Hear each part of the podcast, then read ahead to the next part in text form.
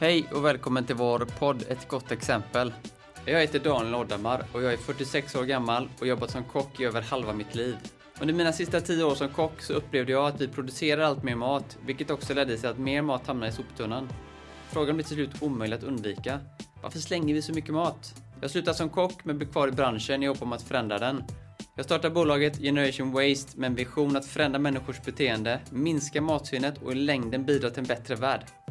Efter många år i restaurangbranschen har jag mött extremt många intressanta och nytänkande människor som har inspirerat mig till att värna om miljön och tänka i nya banor.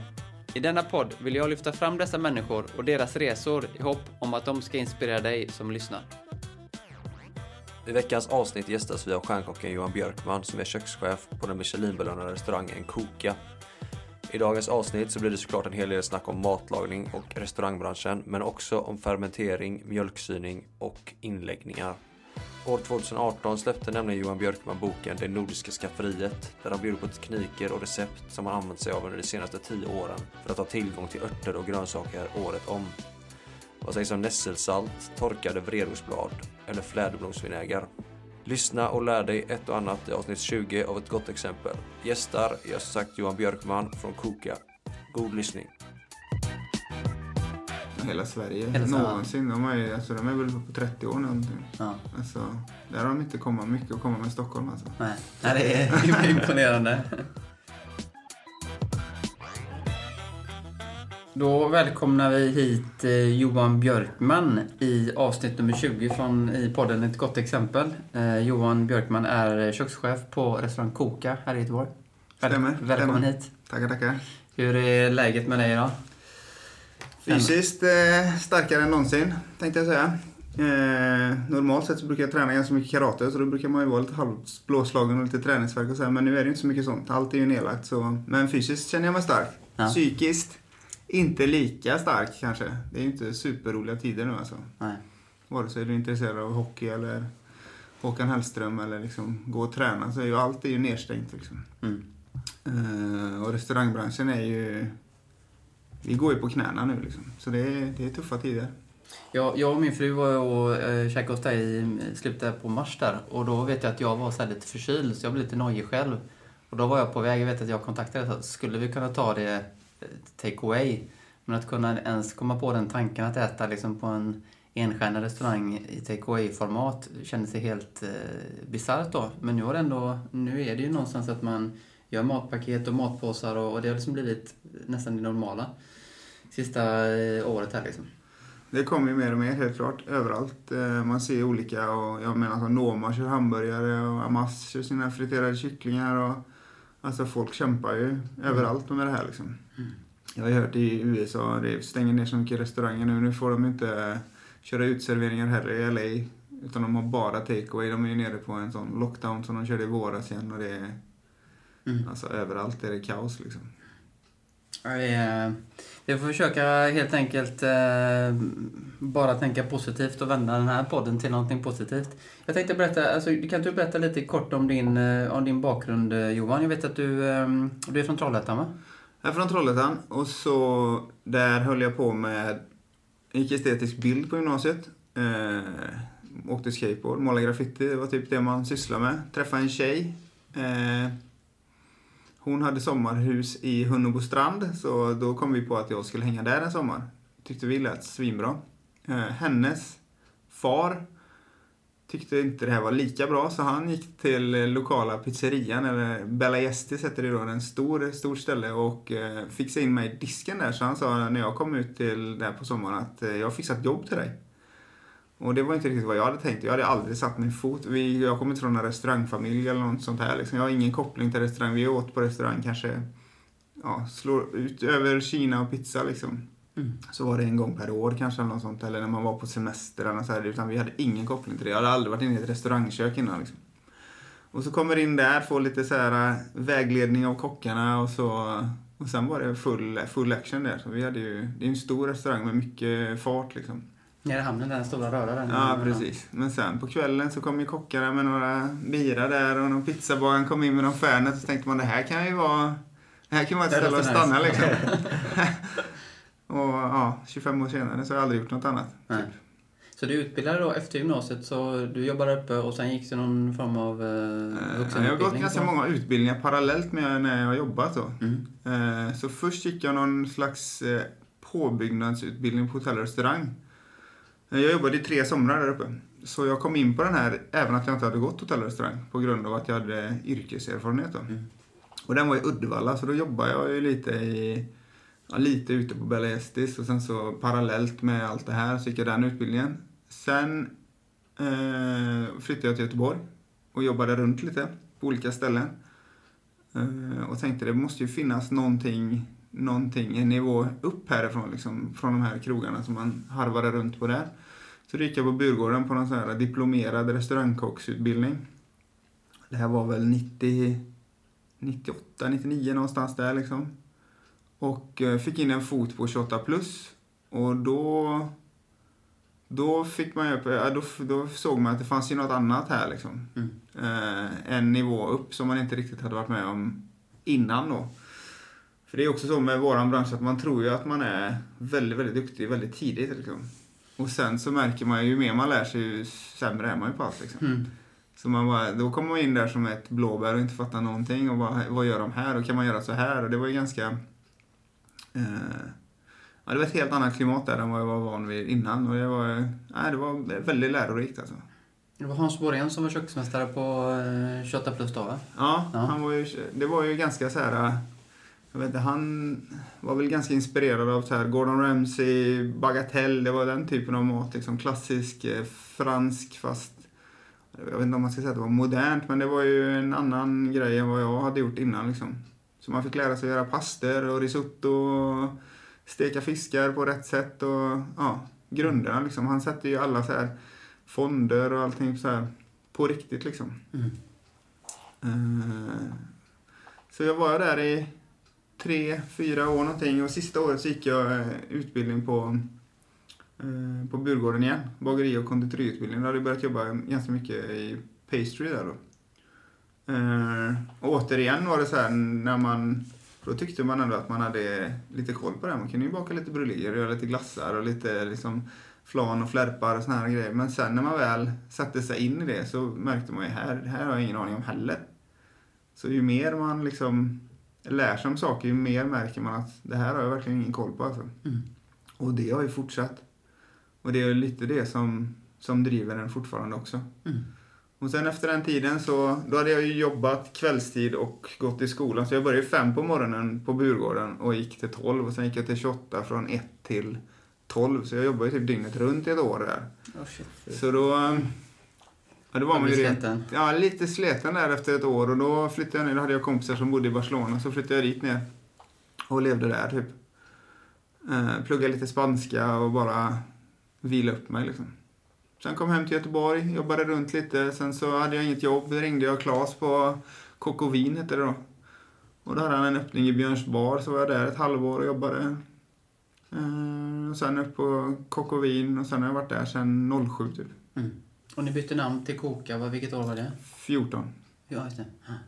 Vad skulle du säga, vad är eh, den stora skillnaden om du jämför då en, en eh, sommarkrog eh, jämfört när du kom till 28 plus? Vad var det som var skillnaden i ett sånt här? För då hade ju 28 plus sin stjärna. Eh, vad är den, alltså den stora skillnaden på de olika sättet att arbeta? Ja, men det var ju liksom... Vad ska man säga? Det, det här med att dels bromsa mise en place, det hade man aldrig lärt sig. Alltså innan fick man ju jobba så mycket. Man gjorde ju allt vad man hann hela tiden. Typ. Man låg ju mycket kortare till på, på hela mise en. Eller till allt vi förberedde på så här vanliga krog, kunde det vara att man stod och liksom skar wokgrönsaker i slaktbackar och man gjorde grilltomater och du vet, du gjorde såser så mycket typ som man hann mer eller mindre. Och här var det så här, här får du fokus, man skulle köpa hem typ ett kilo gös, då skulle du få ut fem, sex portioner gös. Och så hade man liksom, då gjorde vi hummerravioli till den och då gjorde man ju si och så många hummerravioli. Så det liksom, vi fick ju aldrig ta hem grejer som inte vi skulle ta hand om liksom. Hans gick igenom alla kylarna varje kväll och så stod det så här en crème fraîche med eh, schalottenlökar. Så var det så, vem har tagit hem de här? Ah, då var det någon som hade gjort det. Så varför är inte de uppskalade? Varför, vad ska vi ha dem till liksom? Mm. Så det fanns liksom ingen... Man, man levde mycket kortare typ, så det blev mycket mer slitigt att jobba men det blev också det var ju lärorikt att se liksom. Och nylagat varje dag, varje dag. Ja, och liksom man försökte ju det liksom. Mm. Och det är ju så att många grejer blir ju bättre om du gör det varje dag liksom. Eh, Men det är ju det är olika sätt att jobba bara liksom. Men Mm. man lär sig, man lär sig mycket på det. Det var ju stor meny, vi hade ju liksom en femrätters, en sjurätters, en stor à la carte. Så det var ju mycket place som skulle dras upp hela tiden så man fick ju springa där liksom. Och ganska litet kök också i källaren på. Det är inte så stort eh, där nere. Nej, på... det var ju mycket och det här med liksom stå med, komma in, när det kommer in elever, inte bara från kommer in elever, utan här var det ju intre- intresserade elever. Det kommer intre, in, alltså, det kom elever utom, utifrån andra länder och grejer som skulle in och se vad vi gjorde. Och, så nej, det var en helt, helt annan värld än vad jag var van vid innan. Liksom. Häftigt. Och du- 28 plus är väl den som har haft stjärna längst i Göteborg av alla stjärnkrogar nu va? Ja, hela Sverige, Hela någonsin. De är, ju- alltså, de är väl på 30 år någonting. Ja. Alltså, där har de inte kommit mycket att komma med Stockholm alltså. Nej, Nej det är imponerande. Det blir tyst i Stockholm som, som Mannerström brukar säga.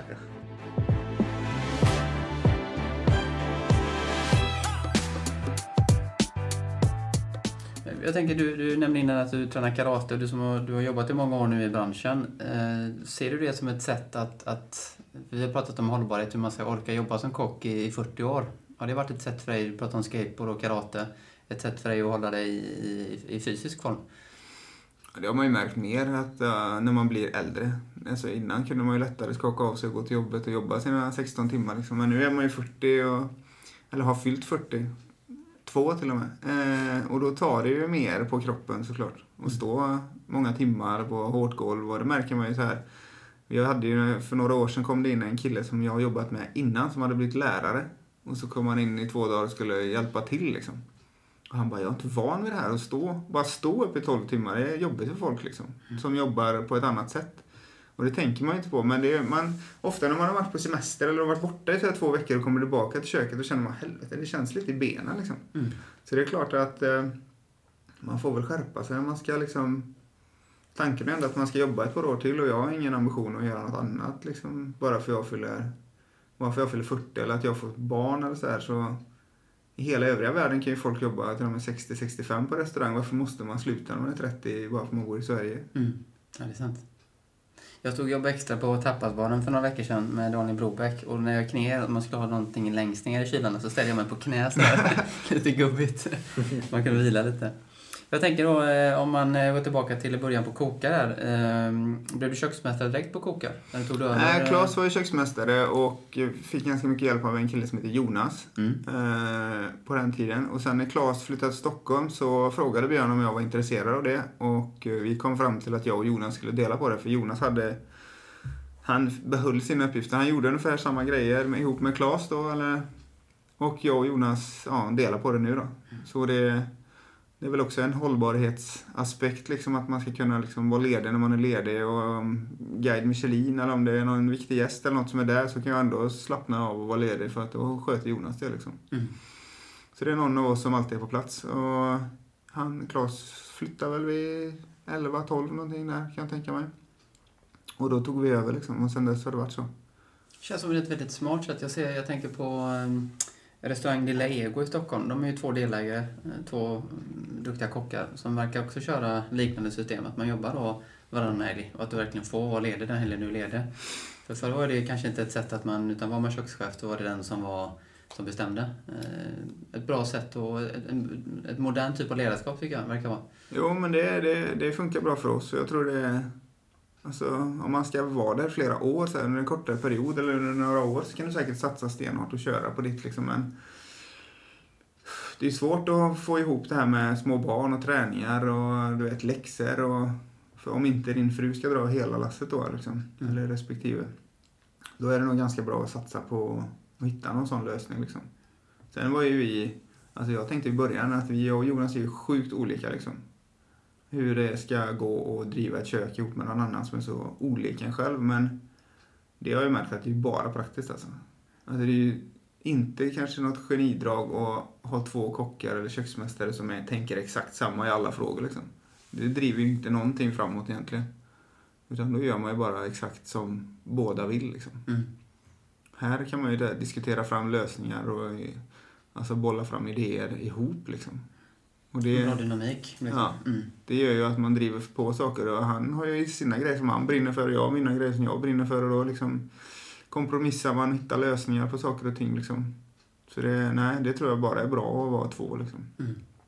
Du berättade innan att eh, när Guide Michelin kommer, då får ni, ni får alltså reda på det? Alltså vi får ju inte reda på det alltid, eller vi får aldrig reda på det innan. Utan ibland presenterar de sig och ibland vill de prata med kocken och intervju dagen efter eller samma dag. Eller, och ibland så kommer de bara helt anonymt och går därifrån och säger ingenting liksom. Hur Så det, känner liksom i köket att det, stämningen förändras liksom och att ni, ni är med på Alltså, när jag var 20 och jobbade på 28, då var ju min, min första, jag började, jag praktiserade där hela våren. Sen så erbjöd Hans mig en plats i köket i augusti.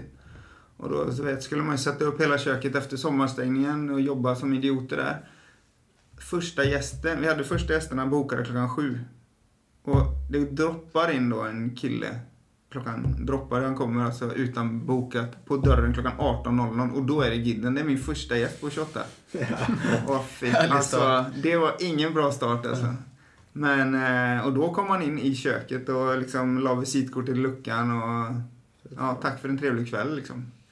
Och då var man ju som ett asplöv där, stod 20 och jag hade ju aldrig jobbat på den typen av krogar. Jag har varit på 28 hela våren men den upplevelsen var ju helt, helt sjuk alltså. Mm. Eh, och då, alltså på den tiden så hade man ju så här, det kom ju folk från utomlands och bara så här, ah, han har chokladmousse-receptet från den här trestjärniga restaurangen i Paris, du vet, det här kör vi. Det var mycket så här och så då, och så var det inspirerat av Gordon Ramsay och inspirerat ifrån ditten och datten och man gjorde en produkt då som var liksom lite mer klassisk stjärnkrogsprodukt och då var man kanske lite mer nervös över jag vet inte om man var nervös över produkten, för den var ju bra produkten, men det var ju mer så här när vi gjorde om till eh, koka ifrån Kokovin framförallt, då är det så här. Då blev vi av med stjärnan. Vi lämnade tillbaka stjärnan då, för vi gjorde om så pass mycket så vi kunde inte liksom... Så då försvann vi från boken i ett år och sen när han kom året efter, då fick vi tillbaka stjärnan igen. Och då är det ju liksom 100% på våran produkt. Så jag behöver aldrig ändra någonting, eller vi, eh, när han kommer, utan vi kör våran grej. Och är det någon som vill ge oss en stjärna för det så är det fine med det liksom. Mm. Men eh, vi har ju fortfarande gäster än idag som tycker det är superkonstigt att vi har stjärna och ska det inte vara vita dukar där och jag kan inte tänka mig, alltså vi fick inte tryffel någonstans spela menyn och du vet folk har ju en förutfattad mening om vad en stjärnkrog är. Mm. Men det är inte vi som har bestämt det här liksom. Det är ju helt upp till dem att oss en stjärna eller inte. Och eh, om de gör det så är vi ju en stjärnkrog. Mm. Alltså det är ju ingenting, det är ju ingenting som någon kan ifrågasätta liksom. Vare sig det är en gäst eller om det är vi eller det är de. Alltså de har ju, de tycker att vi levererar den produkten som är på den nivån så, ja. Skulle man kunna säga då att, att på något sätt om jag jämför för 20 år sedan på finkrogarna så är det mycket mer råvarudrivet idag liksom. Att man jobbar med dem, med dem alltså det var de bästa råvarorna då också men idag kanske lite mer lokalt och man jobbar mer med en bättre relation med de här närliggande producenterna. Att det är det som är... Ja, alltså det har alltid varit ganska råvarudrivet. Det är väl det, alltså Gidden har ju gått ut med att det är råvarorna som styr Mm. om du får en stjärna eller inte. Så att det har alltid varit liksom de bästa råvarorna har du alltid försökt att få tag i på stjärnkrogarna liksom. Och ju bättre råvaror, ju bättre mat. Det går ju inte att fuska där liksom. Nej. Eh, sen har väl bara fokus ändrat på vad för typ av råvaror du söker. Och vilken status Det var inte så att man kämpade ihjäl sig från att få liksom, den bästa moroten. Utan då var det kanske mer hummern och sjötungan och piggvaren och liksom rådjurssadeln. Alltså då la man ju fokus på det. Sen var det självklart att det skulle vara bra liksom, råvaror. Mm. Och sen har ju olika krogar haft olika liksom, ambition. Jag har ju, eh, jag jobbade med en kille som hade jobbat i Danmark på 28 och han, de beställde ju en lastbil med grönsaker från Frankrike två gånger i veckan. Bara för att få liksom topp, topp, topp grejer. Det fanns ju inte riktigt sådana typ av producenter för 20 år sedan som liksom jobbade med kvalitet på det sättet. Du hade ju liksom de som odlade mycket grejer och sen hade du de som odlade liksom eko som var sån här men det var ju mer lite så här flummiga människor som gjorde liksom ekologiska odlingar på det sättet. Det, jag tror, jag vet inte. Jag, jag Eller så var det att jag inte sökte det för 20 år sedan, eller vi sökte inte det på den nivån för 20 år sedan kanske. Nej. Men jag uppfattar att det har kommit mer små producenter eller stora producenter som satsar, satsar med kvalitet. Liksom. Mm. Och att grönsakerna hamnar också mer i fokus på något sätt, att det blir mer grönsaksdrivet. Att man eh, jag vill ha dem. Eh, jag tänker på ni som jobbar med Östra Gärdegård till exempel. Jag var där för några år, några år sedan och såg deras odlingar. Det är otroligt häftigt. De odlar ju som en, en laggård, Ja. som en våningssäng med sina eh, olika svampar. Det är häftigt. Jag tänkte en sak med, just med kontakter med leverantörer. Jag har varit i kontakt med Mia på Lilla Lobback några gånger Mm. och försökt att dels komma hit och hälsa på, men hon är verkligen så här eh, Nej men köper du grönsaker till mig, då kan du få komma hit. Annars är det, hon är extremt eh, liksom, eh, tydlig i det liksom. Ja, hon har bestämda regler och åsikter.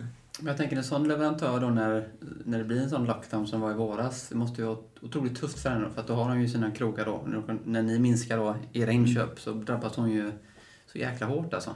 Ja, det är sjukt och man får ju så dåligt samvete. Som, för, alltså, jobbet är ju så... Hon har ju vissa grejer som hon liksom gör att hennes business går runt. Liksom. Det är ju sparrisen och sen är det liksom hela sommaren ska ju allting rulla och sen så får man ju på... Som nu, Magnus på Färviken har ju köpt alla hennes endiver, eller han har ju hjälpt henne ekonomiskt och fixat i ordning så att det så att det fungerar. Men i år så skulle hon ju göra endiver som, som vi alla andra skulle få också liksom. Och det är ju en jäkla process att driva upp de där endiverna liksom. Så hon ringde ju runt alla sina kunder och bara Tror ni att ni kommer kunna köpa endiver? De kommer kosta sig så mycket. Vi kommer kunna få hålla nere priset för att ni ska ändå kunna, kunna känna att ni har råd att handla. Och hur många tror ni? Och vi satsar ju på att ja, vi vill ju köpa x antal endiver då liksom från henne. Vi räknar ut, ja, så här mycket skulle vi kunna göra. Så kanske man lägger in det där. Så kanske man kör lite i Björns bar för att få liksom, upp volymerna lite. Och sen kommer det här liksom.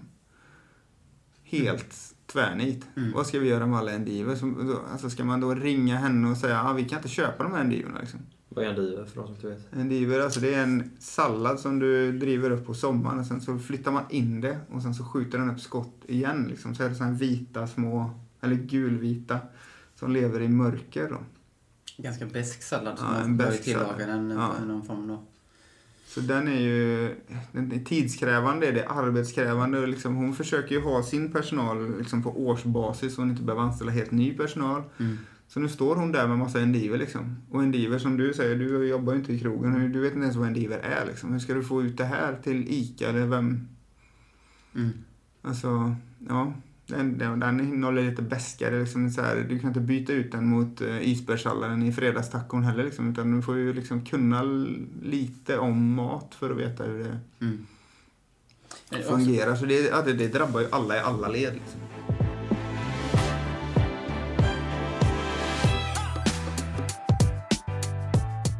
Jag tänker nu har vi kommit upp här igen nu gick ett eh, gick ut en, en text om det här med eh, sexism och sånt i restaurangbranschen och i köken så här och med han en, en kändiskock. Jag blev så här eh, otroligt besviken att det fortfarande förekommer. Det känns som att vi har, det känns som att vi har kommit förbi det. Men det finns fortfarande så här eh, dels att få in eh, kvinnliga tjejer i köket och, och, och alltså få bort den här jävla gubbiga jargongen. Jag vet inte eh, hur, hur ska vi göra? Hur, vad tror du om den? Jag vet inte. Alltså det, det som har varit vårat problem är väl att det är många så här duktiga tjejer som jobbar i branschen och vilket är förståeligt är väl att unga tjejer dras ju till de tjejerna. Så de hamnar ju oftast i så här grupper liksom. Alltså Sofia och Frida och de här, de är ju jättebra på att dra åt sig de här tjejerna.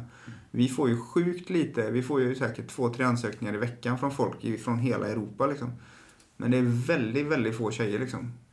Så vi har ju säkert anställt 50% av de tjejerna som har sökt under alla de här åren. Men det är ju... Det vi, nu har vi en tjej i köket. Vi hade två innan Sara flyttade tillbaka till England. Men eh, nej, det, är- det är svårt att stånga sig fram. Men, men jag menar... Jag kan inte fatta hur det fortfarande kan förekomma. Liksom. Det, min fru jobbar i kök och hon, eh, hon har ju säkert upplevt mycket av de här grejerna också. Jag menar, jag har en dotter, jag har en mor. Jag har liksom, nästa gång kan det ju vara de som blir drabbade av det här helvetet. Liksom. Mm. Jag kan inte fatta hur det fortfarande. Det är ju ändå 2020 liksom. Men man är inte färdig med den här skiten nu. Mm. Och jag känner nu när det här kommer ut så blir man så här, men vänta nu, nu har vi, det är som en blöt filt i restaurangbranschen och så kommer ännu mer bara så här, för jag tror det kommer vara tufft, för det var ju svårt att få tag på folk här nu sista, ja men innan krisen, och få tag på bra kockar. Ja. Så risken är att många nu då kanske börjar plugga och när det väl då kanske om ett, när det nu drar igång igen, hur vi ska bemanna alla restauranger. Hur ska man liksom... Eh, jag tänker Svenska Mässan, när de ska få, få tillbaka alla kockar. Det kommer vara jättetufft. Eh, Alltså det kommer bli någon form av efterkrigstid. När- Tänk när allting släpper, om om nu får ordning på det här vaccinet och allting, liksom, när folk ska börja gå ut igen på Mm. konserter och gå ut och liksom äta och dricka. Det kommer ju bli kaos ute och sen så är allting liksom bara gått på broms i Mm. ett år. Eller ja, vi vet inte hur länge det här kommer hålla i liksom. Nej. Så det kommer nog bli att de som orkar och liksom har råd och överlever det här helvetet, de kommer ju få, de kommer få sina fiskar varma liksom. Mm. Men det är ändå intressant, för du har då ändå gått alltså, olika kvällsutbildningar. Det går ju att kombinera liksom, ett jobb och börja plugga med även att, att plugga till kock och, och sommelier och, och konditor. Eh, och kunna göra det kanske under en kortare period. Det är inte bara att man måste gå tre år på gymnasiet utan det finns ändå möjligheter. att du är ett levande bevis på att det är med kökschef på en enstjärnig Och eh, jag tycker det är, att, att det finns den möjligheten för Ja, framtiden. jo men det finns det, det finns det ju. Sen kanske inte man ska plugga liksom dag, eh, halv, natt eh, Nej. samtidigt som du jobbar kväll. Det kanske inte är någon idealisk lösning men eh, det går ju att överleva det också som, som du ser. Mm.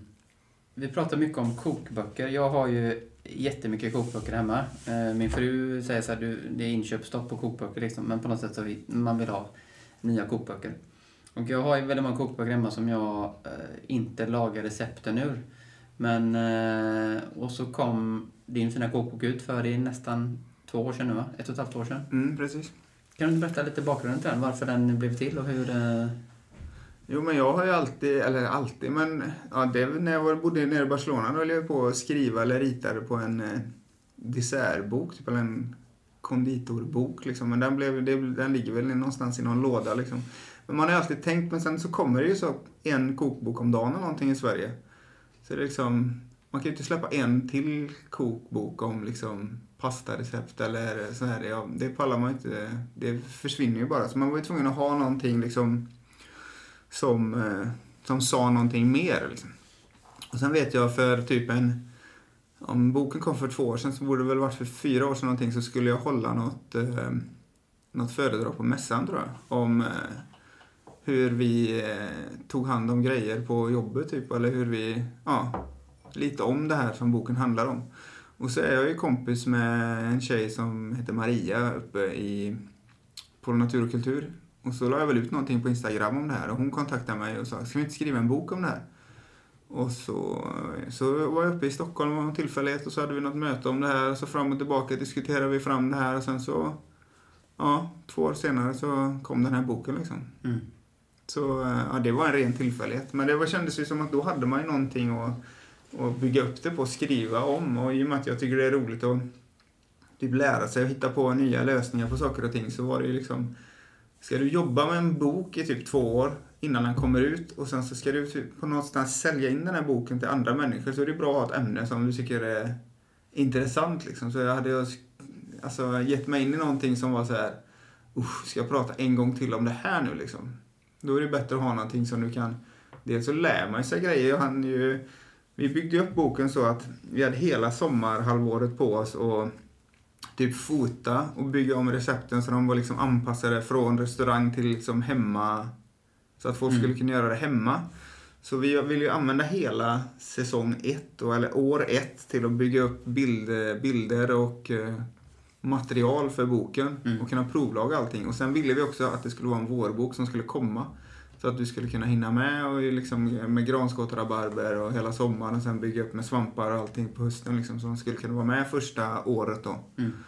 Så, um, ja nej. Men det, var- vi, vi hittade ett ämne där som var liksom lite roligt och någonting Det- som man kunde leka med liksom. Vill du berätta lite mer om själva ämnet och innehållet i boken? Ämnet är ju då att, eh, ja, det började ju egentligen med att eh, när vi fick stjärnan på Kokovin så märkte vi att det kom väldigt mycket utländska gäster och de var inte intresserade av att komma hit och äta liksom chokladdesserter och franska ostar så mycket utan de ville ju äta det vi vi ville liksom förmedla härifrån så då började man jobba mer och mer svenskt och ja, det växer ju inte supermycket nu liksom ute utan då fick man ju börja jobba mer med sommarhalvåret och ta hand om grejer och lägga in saker och ja, torka och fermentera och hitta på grejer där liksom.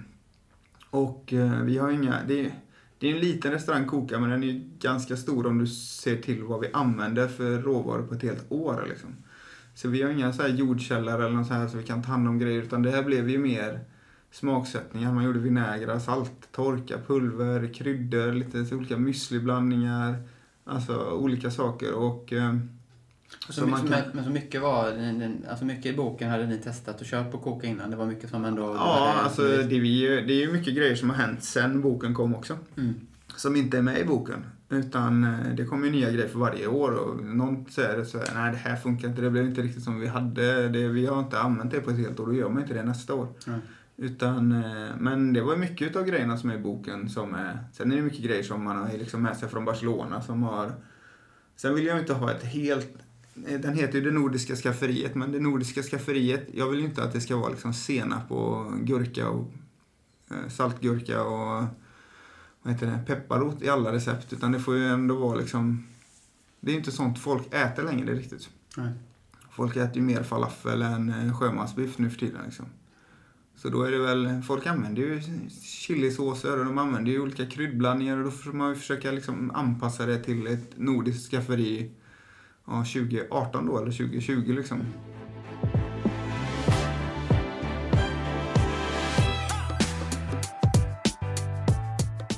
Jag tänker så här, på något sätt var väl tanken när du gjorde kokboken att hur kan vi, som du sa hur kan vi bevara eh, grönsakernas, alltså eh, när det inte växer så mycket här år, alltså under den mörka tiden på året, att man kan behålla den så länge som möjligt.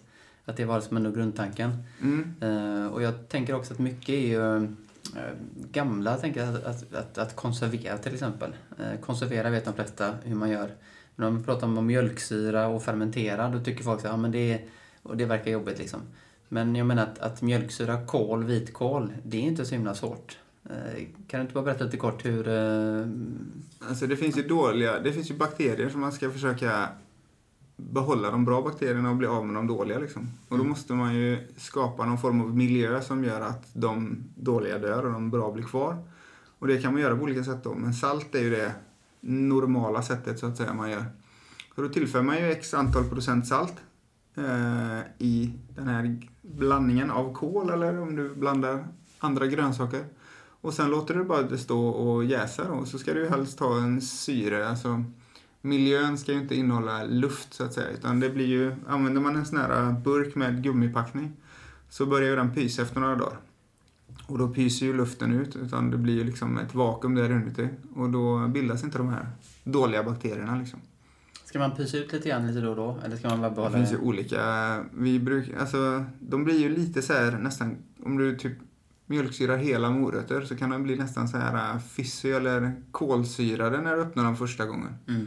Men det är ju ingenting farligt med det. Men det är vissa som säger att du ska gå och pysa dem och vissa säger att man inte ska göra det. Det, det blir olika tryck i burkarna. Alltså de här äh, ventilerna är ju till för att släppa ut överblivet. Alltså, mm. När det blir övertryck i burkarna så släpps ju det ut automatiskt. Men det är klart du kan gå och pysa dem. Liksom. Mm. Men i en fermentering så har du, vad har du i? Liksom? Är det bara vett? Alltså, det finns ju två, jag har delat in det i två olika sätt. Antingen om du, eh, typ som surkål. Mm. Då har du ju salt och kol som du knådar tills den släpper så pass mycket vätska så du kan pressa ner kolen och vätskan går upp över ytan. Liksom. Mm. Och sen så lägger man ofta ner tyngder. Men om vi, på jobbet så vill vi ofta ha liksom hela morötter och hela rotceller så här, för att man ska kunna skära det i någon annan form eller så här. Så, så det går att presentera på någonting annat än bara liksom en hög med råkost. Och då fermenterar man hela grejer. Och då är det ju svårt att pressa ut vatten Då tillför man ju vatten. Så då får man ju mäta vatten och själva moroten, eller råvaran då. Och salt? Och salt. Okay. Eh, så det är väl de två sätten du kan göra det liksom. Och sen kan du tillföra kryddor och vad du vill. Om du vill ha chili eller ingefära eller curry eller vad det skulle vara liksom. Och vad, och vad gör det här med smaken för de som inte vet det? Alltså du får en syra... En, en syra, om du har ätit surkål liksom. Mm. Du får en sån...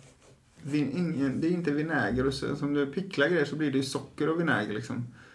Så det, kan, det blir mer som ett tillbehör. Här kan du äta ganska mycket av plus att alltså konsistensen på moroten är väldigt lik en rå morot fast du får liksom en syra i hela moroten. Liksom. Som min dotter har ju cravings för såna här mm. mjölksyrade morötter. Liksom. Hon älskar den syran. Ja, det är fantastiskt gott. Jag vet att du äh, använder alltid jod, äh, salt utan jod va? Mm. Alltså, det är ju bakteriedödande och det har ju inte riktigt koll på vilka bakterier det dödar. Liksom. Utan det dödar även bra bakterier. Så därför så använder man jodfritt salt så blir du så är det ingen risk att du har ihjäl de bra bakterierna så att säga. Mm. Det är väl därför. Det ju en, har ju en konserverande metod, jod. Och det vill man väl inte i detta fallet då så att säga. Eh, jag odlar lite grann själv nu och jag på min sommarstuga har jag till exempel fläder. Och när jag väl får fläder så blir det rätt mycket när det väl kommer. När sommaren och allting börjar grönska så kommer det liksom med fart.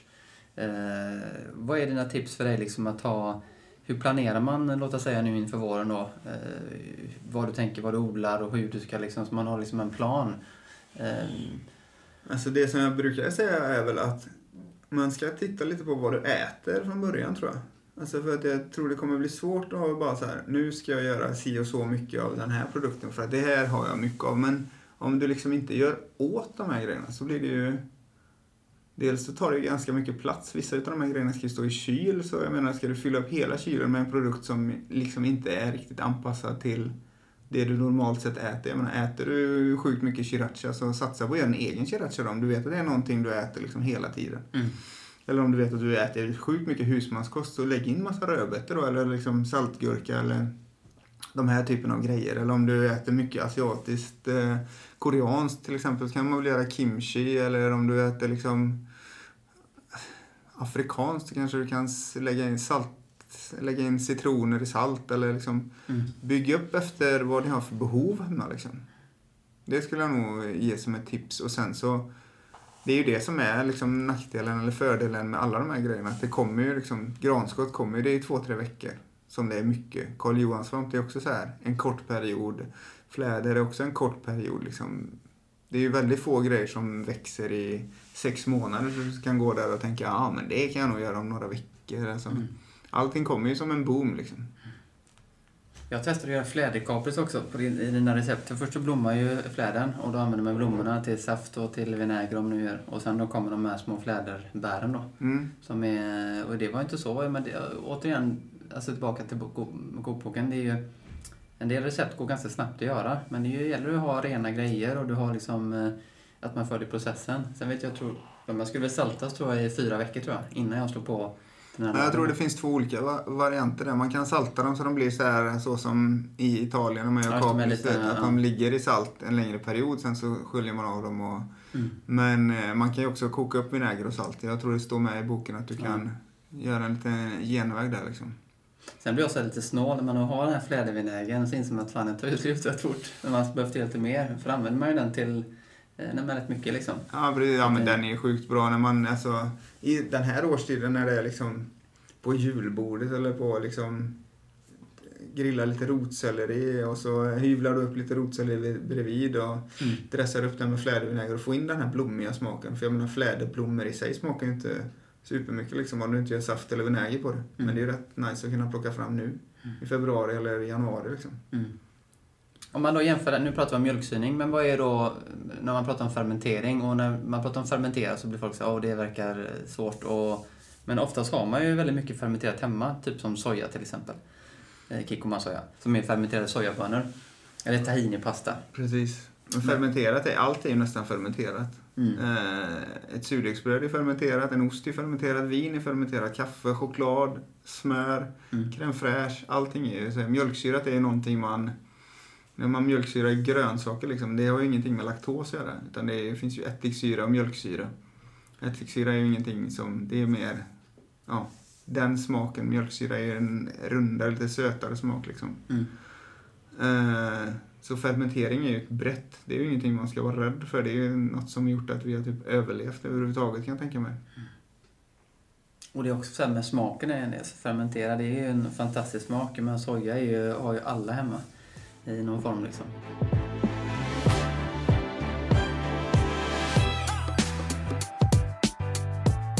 Ja, men, eh, jag tänker som så här, eh, jag kan bli grymt inspirerad Johan av din kokbok. Vad är det som, eh, eh, vad är det som inspirerar dig? Hur får du inspiration? Youtube. Nej. YouTube. Eh, nej, jag vet inte. Jag hittar inspiration i allt. Alltså, det kan vara diskussioner med eh, gamla typ polare som håller på med helt andra saker. Du vet, jag satt nere i Barcelona nu i somras och pratade med en eller i somras, det var väl för ett tag sedan. Men då pratade jag med en kille som eh, har ett skateboardföretag där nere. Och, han, och, jag, och det är ju ännu mer så här ungdomsdrivet liksom. Och han börjar också bli så här 35-40 nu liksom. Jag bara, fan, hur kan du utveckla det här företaget? Kommer liksom de palla med din gamla gubbstil liksom? Hur länge kommer det kunna leva på det?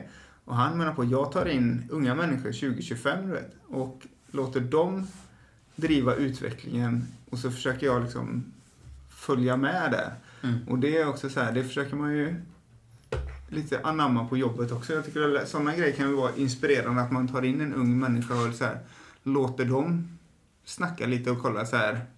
När Jonas eh, lagar en rätt till mig och så är det så här, smakar jag, sen kanske man bara så här, mm, vad säger de liksom? Om jag håller tyst nu och låter dem snacka, vad, hur, hur kommer det här? För det är mycket, finns ju mycket som folk som nickar med när man är i 20-25 årsåldern liksom. Eh, när någon som är lite äldre pratar liksom. Men det kan, ibland kan det vara intressant att vända på det och bara lyssna på vad de säger. Och så här, håller jag med om det de säger? Eller är det helt skruvat? Eller är, är det någonting som snurrar på bollen och får det hela att bli mer intressant liksom? Mm. Det är mycket sådana små... Oftast är det ganska intressant att prata med folk utifrån branschen för man blir ganska insnöad när man är i den här. Mm. Jag kommer ihåg när jag var i Stockholm för typ... Och det var exakt i samma veva som Dahlgren öppnade... Eh, vad heter den?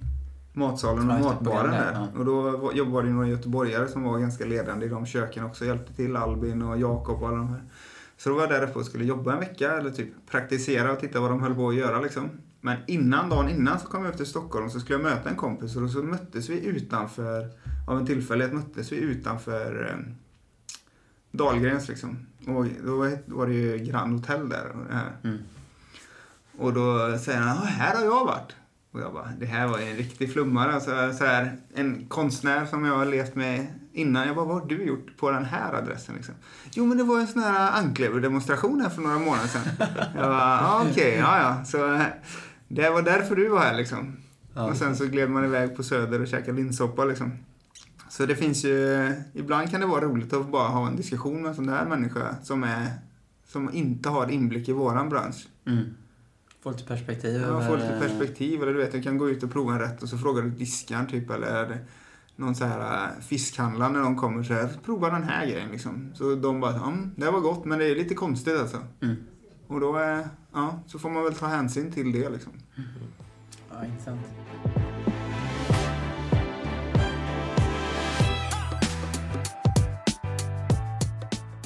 Vem tycker du att vi ska intervjua härnäst i våran podcast?